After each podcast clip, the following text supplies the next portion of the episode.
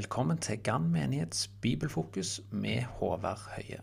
Jeg er kapellan i Gann-sokken og skal lage noen episoder av Bibelfokus på podkast. Til vanlig så pleier vi å ha samlinger i kirkestua i gang en gang i måneden, der vi ser på nærmere på ulike bibelemner. Det har ikke vært mulig å samles til et sånt møte, og derfor tenkte jeg å legge ut Bibelfokus som en podkastserie. Så får vi se hvor mange episoder det blir. Emnet for denne bibelfokus er kristologi, som betyr læren om Kristus. Og det er dette vi skal utforske mer i denne episoden. Hvem var Jesus Kristus? Det er det kristologien prøver å svare på. Deler av dette svaret finner vi når vi utforsker hva evangelistene i Det nye testamentet kaller Jesus, og hva Jesus kaller seg sjøl.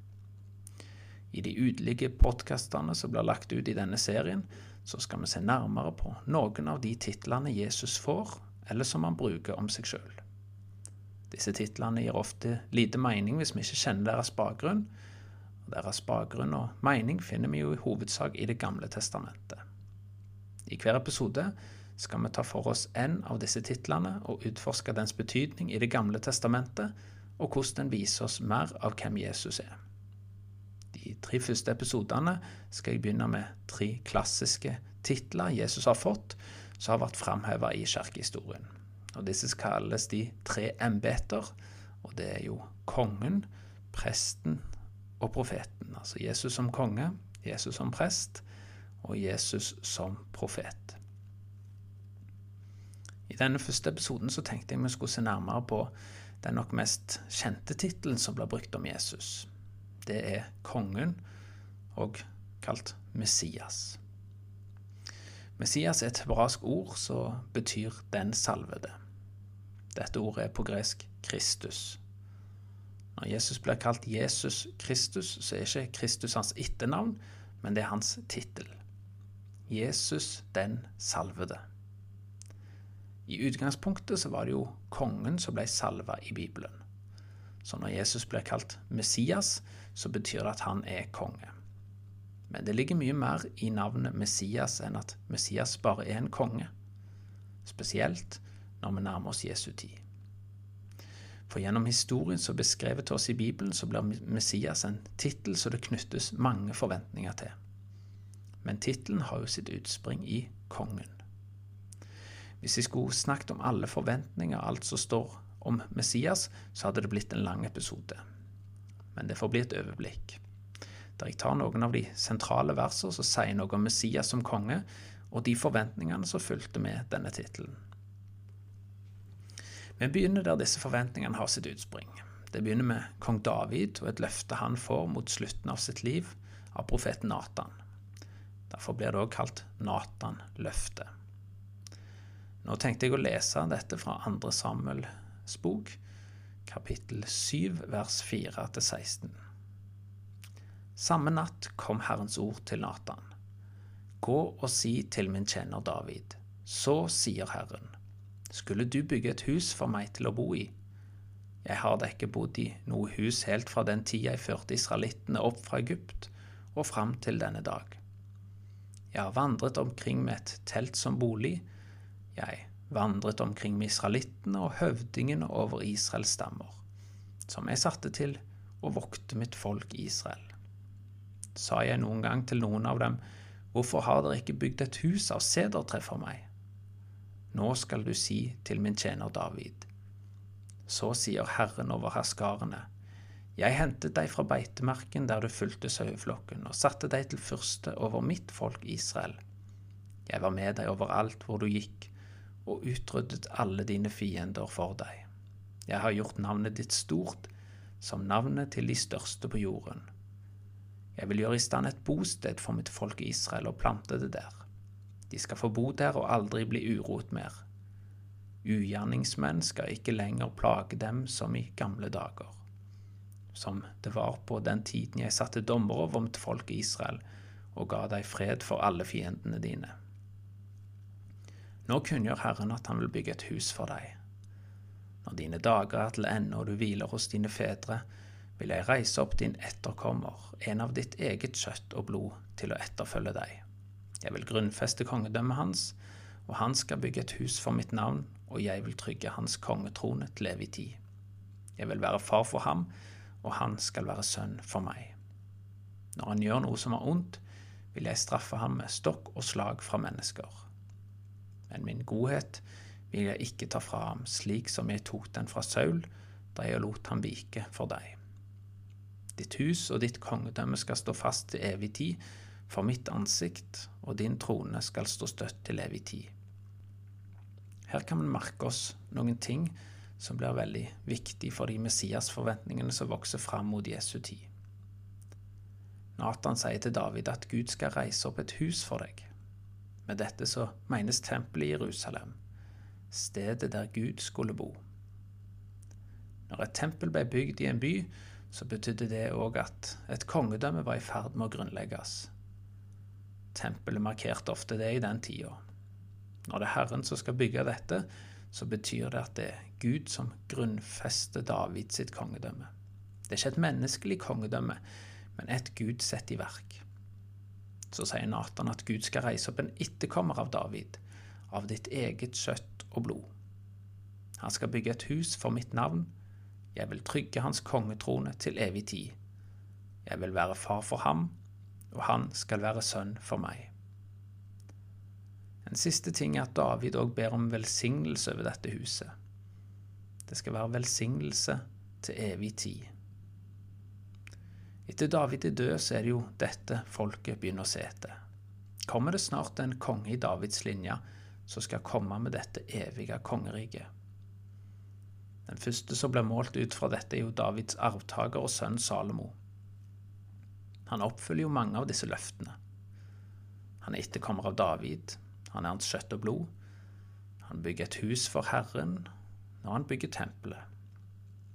Salomo starter sitt virke som konge bra, og får både bygge tempelet og føre paktkisten inn i tempelet.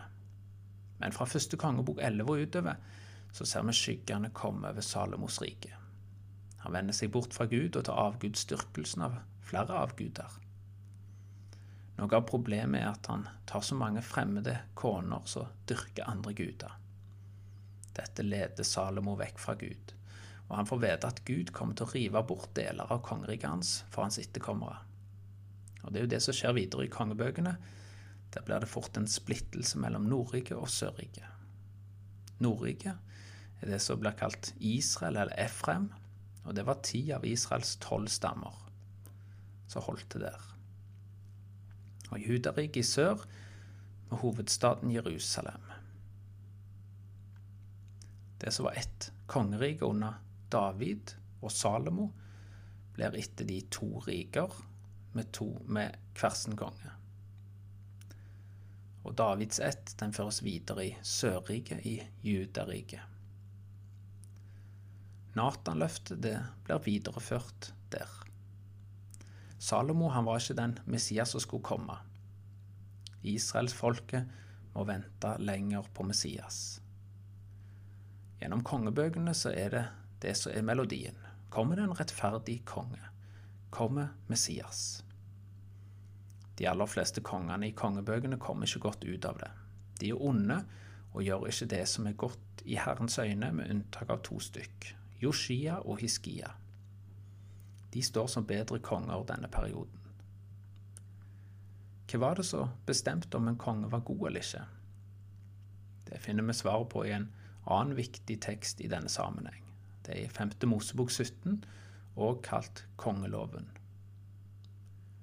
Kongeloven setter standarden for hvordan en konge i Israel skulle være.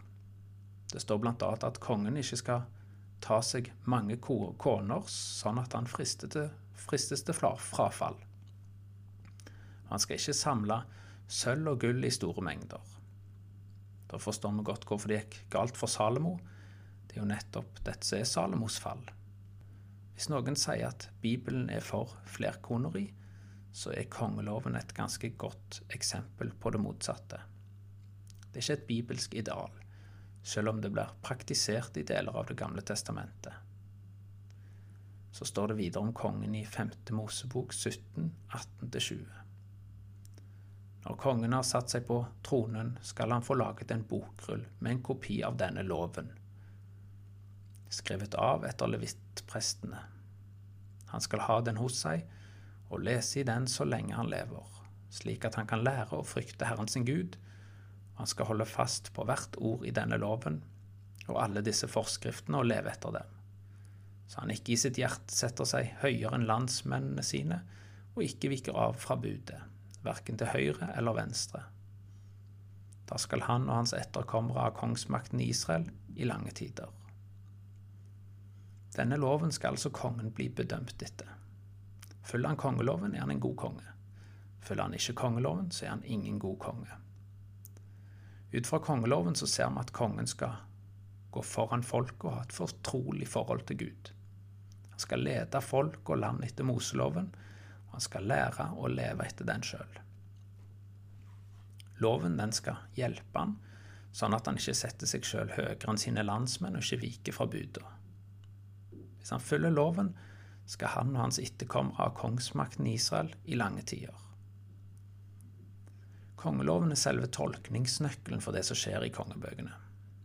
For der blir hver enkelt konge bedømt ut fra denne loven. Og hvis en konge skulle være Messias som var sendt fra Gud, så måtte han leve ut kongeloven. Vi ser òg hvor viktig det er at loven står over kongen. Gjør den ikke det, blir kongen hovmodig og setter seg sjøl over sine landsmenn. En historie fra Samuelsbøkene forteller nettopp om når dette skjer. Det er jo når David er utro med Batseba og sender hennes mann Uria framdørst i krigen. Det er et eksempel på en situasjon der David nettopp setter seg over sin landsmann Uria ved å bryte loven. Nå blir David sett på som idealkongen i Det gamle testamentet. David han angrer jo sin urett og vendte seg alltid tilbake til Gud. Men de fleste kongene etter David angrer ikke sin urett. Og i kongebøkene er jo dette som fører til at Israel og Juda går unna. Kongene holder ikke kongeloven, men vender seg bort fra Gud. Det er to unntak. To konger som regnes som gode konger. Det er Joshia og Hiskia. Jeg skal ikke si så mye om de, men en ting som er verdt å merke seg med førstnevnte, Joshia, er at det som gjør hans kongsgjerning så stor, det er at han ved et tilfelle finner ei lovbok. En vet ikke helt hvor mye av Moseloven som sto i denne, om det var hele loven eller deler av Moseloven. Men han finner denne lovboka, reformerer hele gudsdyrkelsen i landet og for folket. Han kaster ut alle avguder og omvender seg fra sine og folket sine ugjerninger. Dette står det om i andre kongebok 22 og 23. Joshia blir en av få konger som følger kongeloven. Men enden på visen ved Israel og Judas konger er at begge rikene går til slutt unna, og Nordriket blir tatt av det asyriske riket, og Judariket av det babylonske riket og ført til Babylon. Når det nærmer seg dommen over disse folka og rikenes undergang, så begynner profetene å få ord om at Natan-løftet er ennå gyldig. De får òg profetier om dette når folk er i eksil i Babylon. Det skal komme en konge, en Messias, som skal gjenreise Israel. Noen eksempler på ord fra denne tida er jo Jesaja 7. Se, den unge jenta skal bli med barn og føde en sønn, og hun skal gi ham navnet Immanuel. Jesaja 9. For et barn er oss født, en sønn er oss gitt. Herreveldet er lagt på hans skulder. Han har fått navnet Underfull, Rådgiver, Veldig Gud, Evig Far, Fredsfyrste. Jesaja 11. En kvist skal skyte opp fra Isais stubbe, og et skudd skal spire fram fra hans røtter. Herrens ånd skal hvile over ham, en ånd med visdom og forstand, en ånd med råd og styrke. En ånd som gir kunnskap og frykt for Herren. Og det er mange flere. Men vi ser de viktigste konturene i Messias-forventningene som ligger der når Jesus blir født. For å oppsummere litt, så har altså Messias-forventningene i Det gamle testamentet sitt utspring i Natan-løftet i 2. Samuel kapittel 7. Der får vi vite at israelsfolket skal vente en konge fra Davids slekt, som skal bringe et evig rike. Det skal hvile en velsignelse over dette riket. Videre leste vi fra kongeloven i 5. Mosebok 17. Denne forteller at kongen må holde kongeloven, og på den måten så vil han være en rettferdig konge. Dette er altså grunnstammen i Messias-forventningene. Andre Samuel 7 med Natan-løftet, og 5. Mosebok 17 med kongeloven. Videre følger det på med salmer og profetier som er å fylle ut bildet. Jesus han går jo inn i disse forventningene og snur de på en måte på hodet. Han oppfyller Natan-løftet og lever etter kongeloven, men er en annen type Messias enn det folket venter på. Jesus kommer ikke med et nytt jordlig Davidsrike, men han kommer med Guds rike. Guds rike er jo òg knytta til Messias. Og Der tror jeg vi setter strek for denne episoden.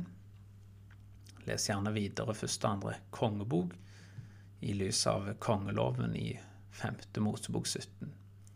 Dette er jo tekster som kaster lys over hverandre og gir oss et viktig innblikk i forhistorien til de Messias-forventningene som ligger der når Jesus blir født. Dette var altså første episode i podkastserien der vi ser nærmere på de ulike titlene Jesus får. Denne gangen har vi sett på kongen, eller Messias, og neste episode så skal vi se på presten. Hvilken rolle hadde presten i Det gamle testamentet, og hva betyr det at Jesus er prest? Da sier jeg takk for følget denne gang, og følg gjerne med videre.